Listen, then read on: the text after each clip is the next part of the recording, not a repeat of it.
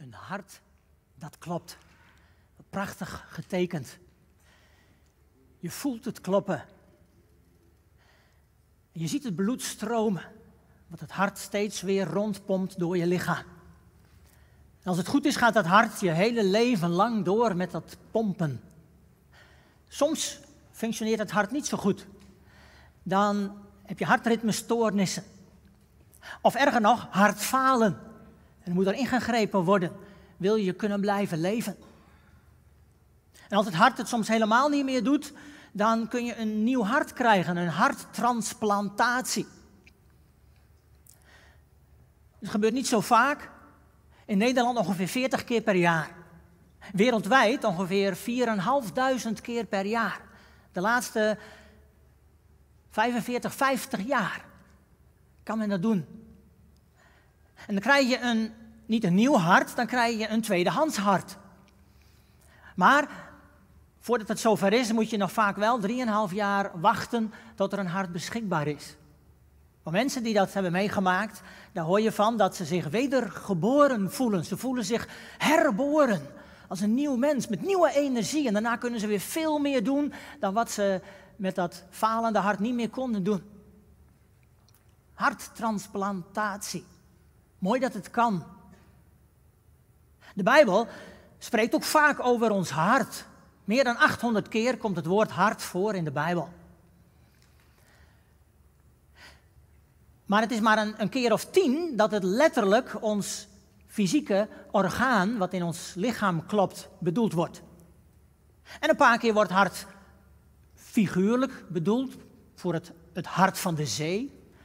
Maar de rest, al die 800 keer, wordt het, het, woord hart figuurlijk bedoeld voor ons innerlijk, ons diepste wezen.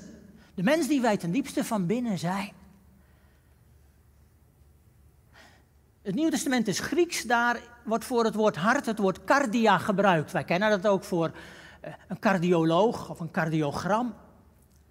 Het Hebreeuwse woord in het Oude Testament voor hart is een heel bijzonder woord. Dat is het woord leef. Het klinkt zo Nederlands, maar het is natuurlijk Hebreeuws. Leef, je schrijft het L-E-B, leb, maar die B spreek je uit als een V. Eh, leef. En ik kan me niet voorstellen dat het toevallig is dat wij een woord leef hebben. Zolang je hart klopt, leef je. Denk aan het, Duitse woord leben. Daar zit het leep ook in. Of het Engelse to live. Leef. Meestal wordt er dus in de Bijbel mee bedoeld je innerlijk. De diepste mens die je bent. Maar ook in de Bijbel is er sprake van dat je een nieuw hart kunt krijgen. Dat je opnieuw geboren, wedergeboren kunt worden. En daar ga ik samen met jullie over nadenken. Vorige week hebben we het Pinksterfeest gevierd. Het Pinksterfeest dat begon, in Handelingen 2 staat daar, toen de Pinksterdag aanbrak. Dat is natuurlijk vanuit het Grieks. Pinksteren komt van het Griekse woord pentakosta. Dat betekent vijftigste. Namelijk op de vijftigste dag gerekend vanaf Pasen. Nu was in Handelingen 2 vers 1, was dat Pinksterfeest, was een Joods feest. En dat noemden de Israëlieten het Shavuot. Shavuot, dat woord betekent weken. Van Shefa, zeven. Het woord Shabbat zit er ook in, Shavuot. Zeven weken moesten de Israëlieten tellen. Vanaf, vanaf het feest van de eerstelingen. Van de eerste oogst, van de eerste gerstoogst die binnengehaald werd. En dat feest van de eerstelingen, dat viel direct na Pesach. Pesach, het feest van de uittocht uit Egypte. En dan moesten ze tellen vanaf het feest van de eerstelingen zeven weken. En omdat een Israëliet begint met de eerste dag te tellen waarvan af je telt, kom je dan precies op 50 uit, na zeven weken. En op die vijftigste dag was het het Shavuot, het wekenfeest. En wat herdacht men op het wekenfeest? Dat was ook een oogstfeest. Men herdacht dat de tarweoogst klaar was. Dankbaar voor alles wat God heeft gegeven, elke zegen. Maar daarvoor, dieper nog, werd herinnerd dat God de wet had gegeven, de tien geboden op de berg Sinaï. En volgens de traditie gebeurde dat op de vijftigste dag na de uittocht uit Egypte. Op die vijftigste dag kregen ze de tien geboden van de Heer en alle regels daaromheen. Dat was het, het verbond wat God met Israël sloot, het verbond van de wet. Eigenlijk was dat het begin van het volk Israël. Dat was hun grondwet. Waar wij eigenlijk ook heel veel wetten van uit hebben. Shavuot, het wekenfeest. En het is precies op die dag dat de Heilige Geest werd uitgestort. Op de eerste Pinksterdag. En niet voor niets dat die dag is uitgekozen. Het nieuwe verbond kreeg daarmee werkelijkheid. Zou je het oude verbond kunnen noemen het verbond van de wet? Het nieuwe verbond is het verbond van de geest. De geest kwam, zou je kunnen zeggen, in de plaats van de wet. God is niet veranderd, zijn karakter is niet veranderd, zijn regels zijn niet veranderd, maar de manier waarop je ze doet is wel veranderd. De Heer Jezus, hij stelde dat nieuwe verbond in toen hij met zijn discipelen de Pesachmaaltijd vierde, vlak voordat hij stierf. Toen, toen hij voor het eerst het avondmaal met zijn discipelen vierde, het instelde zou je kunnen zeggen. Toen zei hij, dit is het bloed van mijn verbond. Het nieuwe verbond. En dan bedoelt de Heer Jezus dat het de bedoeling is om te gaan leven uit de geest, onder zijn leiding, onder zijn kracht. De geest die later uitgestort zou worden. En dat is met Pinksteren gebeurd. En dit is zo belangrijk om dit goed te begrijpen. Want wij als christenen, we halen vaak die twee verbonden door elkaar. Dat we ons toch laten leiden door de regels van het oude verbond, in plaats van door de Heilige Geest van het nieuwe verbond. In het Oude Testament wordt al een paar keer geschreven over het nieuwe verbond. Al is het daar nog toekomstmuziek. Jeremia schreef erover in hoofdstuk 31. Ezekiel schreef er later over in hoofdstuk 36. En daar wil ik een paar versen met jullie uitlezen. Ezekiel 36 vanaf vers 24. En lees maar mee. Daar zegt God, ik leid jullie weg bij die volken. Ik breng jullie bijeen uit die landen en laat je naar je eigen land terugkeren. Ik zal zuiver water over jullie uitgieten om jullie te reinigen van alles wat onrein is, van al jullie afgoden. Ik zal jullie een nieuw hart, daar heb je het, een nieuw hart en een nieuwe geest geven. Ik zal je versteende hart uit je lichaam halen en je er een levend hart voor in de plaats geven. Ik zal jullie mijn geest geven en zorgen dat jullie volgens mijn wetten leven en mijn regels in acht nemen. De uitdrukking het nieuwe verbond wordt hier niet gebruikt, maar daar gaat het wel over. Dit was toen nog toekomstmuziek. Dat nieuwe verbond heeft de Heer Jezus ingesteld, vlak voordat hij stierf, voor Israël, voor Gods volk. Maar ook wij mogen daaraan deel hebben. We worden, zoals Paulus dat zegt in Romeinen 11, we worden tussengeënt, ingeënt op die heilsstam, dat handelen van God, dat heilshandelen van God met zijn volk Israël. Wij mogen daar deel aan hebben en ook delen in de zegen van dat nieuwe verbond. Wat zijn al die zegeningen die we hier zo lezen in deze versen? Ik ga met jullie de versen één voor één door. Eerst vers 24. Dan zegt God, ik leid jullie weg bij die volken. Ik breng jullie bijeen uit die landen en laat je naar je eigen land terugkeren. Dit geldt niet voor ons. Dit geldt heel specifiek voor Israël. Israël die door zich niet te houden aan het oude verbond, verdreven is uit hun land, eerst al met de ballingschap. Juist de tijd waarin Jeremia leefde, toen hij dit schreef, dit doorkreeg van God. Maar ook later in 70 na Christus, toen de meeste mensen van Israël de Heer Jezus niet als Messias aannamen, toen werden ze verdreven uit hun land. De diaspora, verspreid over de hele wereld. En dan geldt die belofte die God hier geeft. Ik zal jullie bijeenbrengen uit die landen. En je naar je eigen land laten terugkeren. Wij zien dat in onze generaties gebeuren. Dat de Israëlieten terugkeren naar hun land, het land Israël. Sinds 1948 weer een staat. Maar het geestelijke leven, dat, dat moet nog komen. En we verwachten dat binnenkort. Dat er ook voorzegd wordt dat wanneer de Heer Jezus terugkomt bij zijn wederkomst, dat alle dan levende Israëlieten tot geloof zullen komen in de Messias. Dat ze hem zullen komen. Met de wolken van de hemel, dat ze hem zullen herkennen en ook zullen erkennen. Dan zal heel Israël tot geloof komen. En dan wordt werkelijkheid wat de profeet Joël al mocht aankondigen, dat de Heere God van zijn geest op alle vlees zal uitstorten, op alle dan levende mensen. Dat wordt dan pas helemaal vervuld. En dan komt de tweede belofte. Vers 25. Dan zegt God, ik zal zuiver water over jullie uitgieten. Om jullie te reinigen van alles wat onrein is, van al jullie afgoden. Die reiniging, dat is vergeving van zonden. En daar mogen wij ook deel aan hebben. Voor ieder die in de Heer Jezus gelooft. Dit zijn verzoenend kruisoffer. Daar is de doop het beeld van. Wat we vorige week zo uitvoerig mochten zien. De vergeving van de zonde. In het oude verbond moesten de mensen offers brengen wanneer ze opzettelijk gezondigd hadden. Wanneer ze per ongeluk gezondigd hadden, konden ze een offer brengen ter verzoening. Natuurlijk konden die offers niet echt verzoenen, maar die keken vooruit naar het echte offer, het ware offer wat de Heer Jezus zou gaan brengen. En toen heeft de Heer Jezus zijn lichaam geofferd tot een volkomen verzoening van al onze zonden. Dat is het kenmerk van het nieuwe verbond. En daardoor kunnen we gereinigd worden.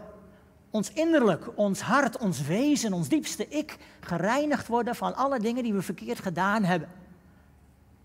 Paulus drukt het eigenlijk heel mooi uit in, in zijn brief aan Titus, in hoofdstuk 3, vers 5. Hij spreekt over het bad van de wedergeboorte. En in, in Efeziërs hoofdstuk 5 spreekt hij over het waterbad met het woord. Dat het woord van God ons van binnen schoonmaakt, reinigt, heel maakt. En dan komt die tweede zegen voor ons van het nieuwe verbond. Vers 26.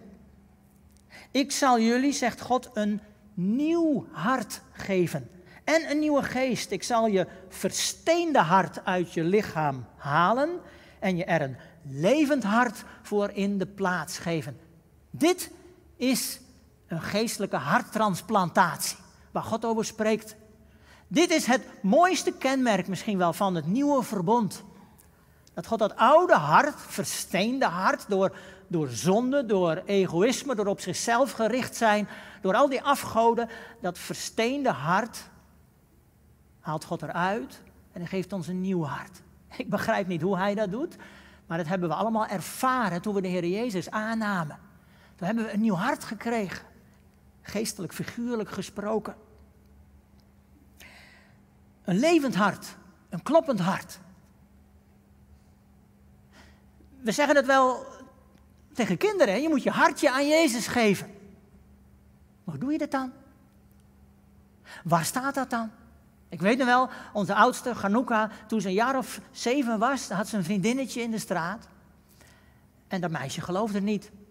En toen zei Ganouka tegen haar, je moet je hartje aan Jezus geven.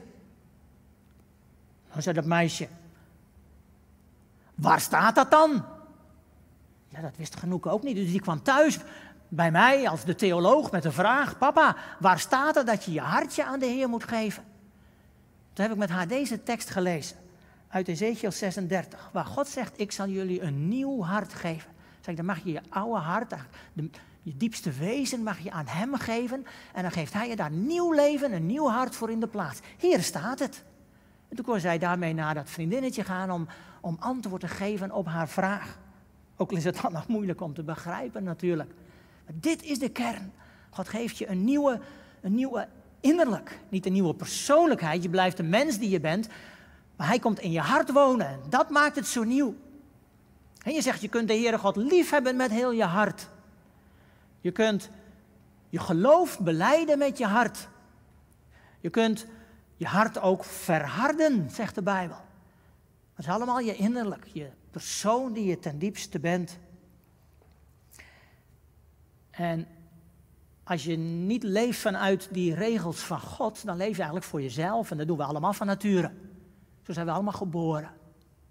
De oude mens in ons zou je kunnen zeggen, die oude natuur.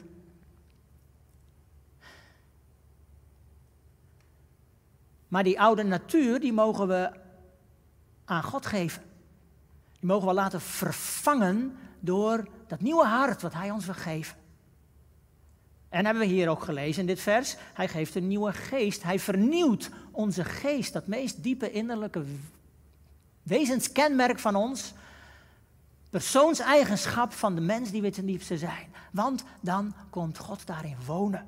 En dat is de volgende zegen in vers 27. In dat vers staan zelfs twee zegeningen. En de eerste is, ik zal jullie mijn geest geven. Dat is Pinksteren. Ik zal jullie mijn geest geven. Dat Gods geest in mijn menselijke geest komt wonen. Dat is ook ten diepste dat nieuwe hart wat hij geeft. Dat God zelf in mij komt wonen. En wat is er dan verschillend met het oude verbond? In het oude verbond kwam Gods geest niet in de harten van de mensen wonen. Hij kwam wel mensen harten vervullen. We zien dat regelmatig in het Oude Testament. Maar als mensen dan ongehoorzaam werden aan God, dan kon hij zijn geest weer wegnemen van hen. We zien dat bijvoorbeeld bij koning Saul. Koning Saul die is vervuld wordt met de geest, maar als hij dan ongehoorzaam is en niet meer leeft naar Gods wil, dan neemt God zijn geest weg van Saul. Sterker nog, dan komen er zelfs kwade geesten voor in de plaats. Triest genoeg. Zo was het oude verbond. God gaf zijn geest om te vervullen, maar nam hem ook weer weg. Wanneer hij dat wilde. Maar in het nieuwe verbond is het Gods geest die in mij komt wonen. En dat is het mooiste kenmerk van die wedergeboorte, dat hij mij een nieuw hart geeft en in dat hart komt wonen. Dat hij mijn hele persoonlijkheid van binnenuit wil vernieuwen wil sturen, wil leiden, mij wil helpen in elk opzicht. En dat wonen van die geest in mij, dat is blijvend. Dat is voor eeuwig. Hij gaat nooit meer weg, dat beloofde de Heer Jezus. En in die zin is het ook totaal anders dan in het oude verbond. Wat heeft dat voor gevolgen? Dat heeft zo'n radicaal verschil met het oude verbond. En dat lezen we in de tweede helft van dit vers 27. En dan zegt de Heer, ik zal jullie mijn geest geven en zorgen dat jullie volgens mijn wetten leven en mijn regels in acht nemen. Je zou kunnen zeggen, het zijn nog dezelfde regels, want God is natuurlijk niet veranderd. Maar je hoeft het niet meer te doen omdat ze van bovenaf opgelegd zijn. Dat was de wet. Dat waren de tien geboden. Die waren op stenen tafels gegrift ingebeiteld en die werden eigenlijk opgelegd op het volk. Met de woorden, je moet je hieraan houden en als je dat niet doet, dan zul je gestraft worden. En heel veel mensen leven nog vanuit dat idee dat als je ongehoorzaam bent aan God, dat Hij je dan gaat straffen. dan ben je eigenlijk een slaaf van God. Dan probeer je, je je leven goed te maken door goed te leven. Terwijl het kenmerk van de geest is juist dat hij ons van binnenuit motiveert om te doen wat God wil. Niet omdat je bang bent voor straf, maar omdat je van hem houdt. Omdat je graag wilt dat God blij is met jou. Omdat jij blij bent met God. Omdat je een relatie hebt met hem als je vader. En dan gaat het niet meer om de regels, maar dan gaat het om de relatie. Om die intense relatie van hart tot hart. dat is wat Gods geest in mij juist wil laten groeien en wil laten bloeien. En dan heb je niet meer de houding van ik moet doen wat de Heer wil, want anders zwaait er wat, als een soort slaaf. Nee, dan ben je als een kind die zegt ik, ik ben zo blij met mijn vader en mijn vader is zo blij met mij. En als ik dan ongehoorzaam ben, daar is God natuurlijk verdrietig over. Hij is niet boos, hij is verdrietig. En als ik doe wat hij wil, omdat ik zo van hem houd, dan is hij blij en dat maakt mijzelf ook blij. En dat kenmerkt dat nieuwe verbond en de geest die God ons gegeven heeft. Ik zal het duidelijk maken met een aantal voorbeelden. In de Bijbel heb je de geschiedenis van Petrus. Petrus die in Caesarea op het dak zit en die dan een visioen krijgt. Een visioen van een laken dat naar beneden uh, komt met daarin allemaal onreine dieren. En dan krijgt hij de opdracht, eet die dieren. Maar dan Petrus, nee, ik heb nog nooit onreine dieren gegeten. Dat mag niet, want dat staat in de wet. Ik zeg het even met mijn eigen woorden. En tot drie keer toe wordt hem dat zo laten zien en verteld. Maar even later, dan begrijpt hij wat dit betekent. Want hij wordt opgehaald en meegenomen naar een Romeinse hoofdman, Cornelius. En dan zegt hij, nu begrijp ik wat God mij wil leren. Dat als de geest mij leidt, dat het soms op een hele andere manier kan zijn dan ik altijd gedacht heb volgens de regels. Want een Jood mocht niet in het huis van een heiden komen. En Cornelius die nodigde hem binnen in zijn huis om het evangelie te horen. En Petrus die nam de vrijmoedigheid om over de regels van zijn verleden heen te stappen. Waar hij altijd in had geloofd om bij Cornelius binnen te gaan en Cornelius te vertellen van de Heer Jezus. En toen kwam hij en zijn hele gezin, zijn hele huishouding kwam tot geloof.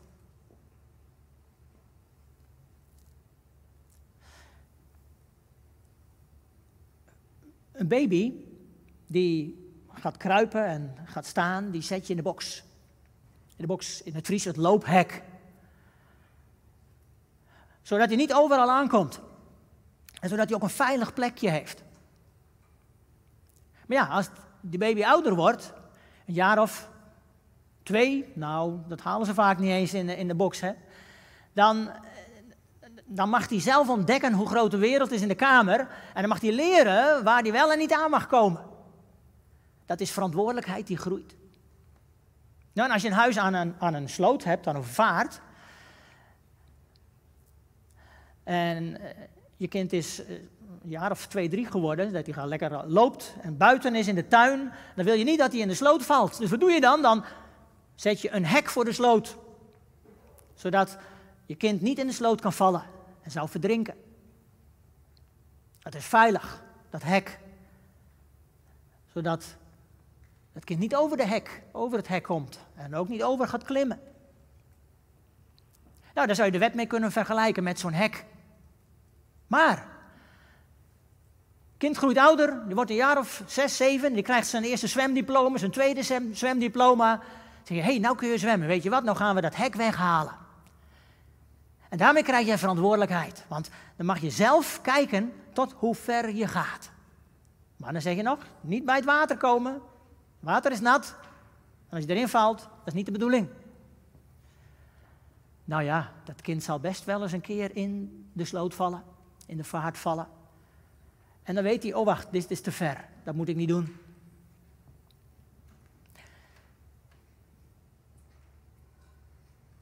Toen ik klein was, moest ik mee naar de kerk. En wij uh, waren met twaalf kinderen thuis en onze ouders, dus we gingen in optocht altijd naar de kerk, drie minuten lopen. En dan zaten wij altijd rechts vooraan op de voorste rij. We kwamen meestal één of twee minuten over begintijd binnen. Dus we hadden helemaal vooraan, waren een hele rij bezet. En ik moest mee als kind. Twee keer, s morgens en s middags naar de kerk. Toen ik 15 was, heb ik de Heer Jezus zelf aangenomen. En toen vond ik het alleen maar mooi om naar de kerk te gaan. Dus vanaf die tijd hoefden mijn ouders me niet te zeggen: je moet naar de kerk, want ik ging graag naar de kerk. Ik ging soms zelfs liever drie keer dan één keer.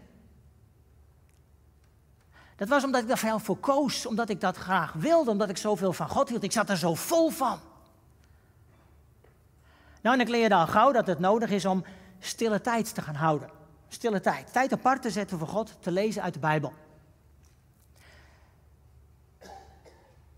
Bijbellezen is goed, is nodig. En ik hoop dat je dat elke dag doet. Alleen het kan ook een wet worden. Dat je het idee hebt, ik, ik moet uit die Bijbel lezen, want dat wil God. En sterker nog, als je dan eens een dag geen tijd hebt of het vergeet, dat je dan achteraf denkt, oeh, als God nou maar niet boos op me is omdat ik niet bij de Bijbel gelezen heb. Nou, zo dacht ik er in het begin eigenlijk ook over. Ik moet Bijbel lezen. Maar dat zegt God helemaal niet. Hij zegt, ik vind het mooi dat je mijn woord neemt en daaruit leest. En ik op mijn beurt, ik vind het mooi om van God te lezen. Dus dan doe ik het niet omdat het moet, maar ik ga uit de Bijbel lezen omdat ik dat graag wil. Omdat ik daarmee contact ervaar met mijn vader. Omdat ik zijn woord daarin zie, ook voor mijn leven. Het is nou juist het verschil tussen leven uit regels en leven uit relatie. En ik hoop dat je dat kent, dat je de Heer Jezus kent, maar dat je ook uit die relatie wilt gaan leven. Dat je die relatie met God als je vader hebt.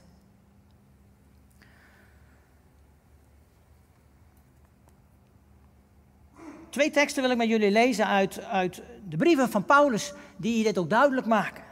Eerst Galaten 3, vers 24, maar een kort versje. Maar daar staat, de wet hield toezicht op ons totdat Christus kwam. Het woord toezicht, dat is in het Grieks als een soort bewaker. Iemand die jou bewaakt, zodat je niet over het hek klimt, niet van het goede pad afraakt. Een pedagoog staat er letterlijk. Iemand die je bij de hand heeft en je vasthoudt. Het was een slaaf die zorgde voor je kind tot hij volwassen werd. En dan werd je vrij van de slaaf, vrij van de pedagoog, vrij van de bewaker. En zo is de wet iemand die ons bij Christus brengt, want ik merk, ik kan mij daar niet aan houden. Ik heb Jezus nodig, zijn verzoenend werk aan het kruis, zijn vergeving, zijn genade. Als je Christus hebt leren kennen, dan hoef je niet meer vanuit die regels te leven, maar dan leef je vanuit liefde, vanuit relatie. En Paulus schrijft in de brief aan Korinthe, 2 Korinthe 3, vers 3, hij schrijft, u bent een brief van Christus niet met inkt geschreven, maar met de geest van de levende God. Niet in stenen platen gegrift, maar in het hart van mensen. Hier heb je het verschil. Niet in stenen gegrift, zoals bij de wet tien geboden, maar in het hart geschreven. Door de geest die in je woont mag je een brief van Christus zijn. Door je relatie met God zo laten zien dat je leeft in Hem. Dat is dat levende hart, dat nieuwe hart wat in je klopt, wat leeft. Wat niet zich laat leiden door regeltjes, door geboden, door verboden. Wat niet bang is voor straf, maar wat geniet van een relatie met de Vader. En dat straalt van je af. Dat maakt het zo anders. Hoe precies de reden dat wij nooit de tien geboden voorlezen. Alsof je dan weer gericht wordt op dat oude. Nee, laat je leiden door de Heilige Geest. Die wil je meenemen en je helpen. Helpen om Gods wil te ontdekken en die ook te gaan doen. Door die Bijbel te lezen, maar ook door te luisteren naar de inwendige stem van de Heilige Geest in je hart. Een nieuw hart. Weet je, die relatie die maakt je blij. Een nieuw hart, vergeven, schoongemaakt van binnen. Een kloppend hart, een levend hart, een hart wat warm is, wat je doorstroomt waarin de Heilige Geest woont. De Heilige Geest die je vervult elke dag weer en die je wil helpen en leiden en die vreugde en diepe innerlijke zekerheid en troost en vreugde wil geven, elke dag weer. Nieuwe hart. Een hart dat leeft. Een hart wat je met de Vader in openheid wil leven, waardoor je enthousiast mag zijn. Zullen we samen bidden? Heer, dank u wel. Dank u wel voor dat nieuwe hart dat u ons geeft in de Heer Jezus. Dat dat de wedergeboorte is. Dat we zo opnieuw tot leven komen, misschien voor het eerst tot leven komen. En dank u Heer dat dat betekent dat we ons niet hoeven laten leiden door een stelsel van regeltjes, wat wel mag en wat niet mag. Maar dat u ons wilt leiden door uw geest. Door een innerlijke gedrevenheid, door enthousiasme, omdat we u hebben leren kennen als een liefdevolle vader, als een genadige vader. Tuurlijk, u bent een rechtvaardige vader. En u wilt ons ook helpen om op het rechte pad te blijven. Maar u wilt ons daarmee stap voor stap leiden door uw Heilige Geest. Dank u wel. En als we dan eens afdwalen, dan laat u ons dat ook merken van binnen. En dan mogen we het soms aan elkaar zeggen, joh, kom mee, we gaan weer op de rechte weg. En dan bent u weer blij dat we er weer zijn, dat we weer bij u aan uw vaderhart zijn. Dank u wel daarvoor. We bidden daarin een zegen voor elkaar. Want we hebben dat nodig, die leiding van uw Heilige Geest. Heer, leer ons om te leven vanuit dat nieuwe hart. Om te leven vanuit die relatie met u. Om ons daardoor te laten leiden, elkaar erdoor te bemoedigen. En om u daarin de eer te geven, want dat is ook de beste manier om u te verheerlijken en groot te maken. Door u als papa, als vader lief te hebben. En die vreugde zo te uiten op alle mogelijke manieren in ons dagelijkse leven. Dat bidden we voor elkaar. In Jezus' naam. Amen.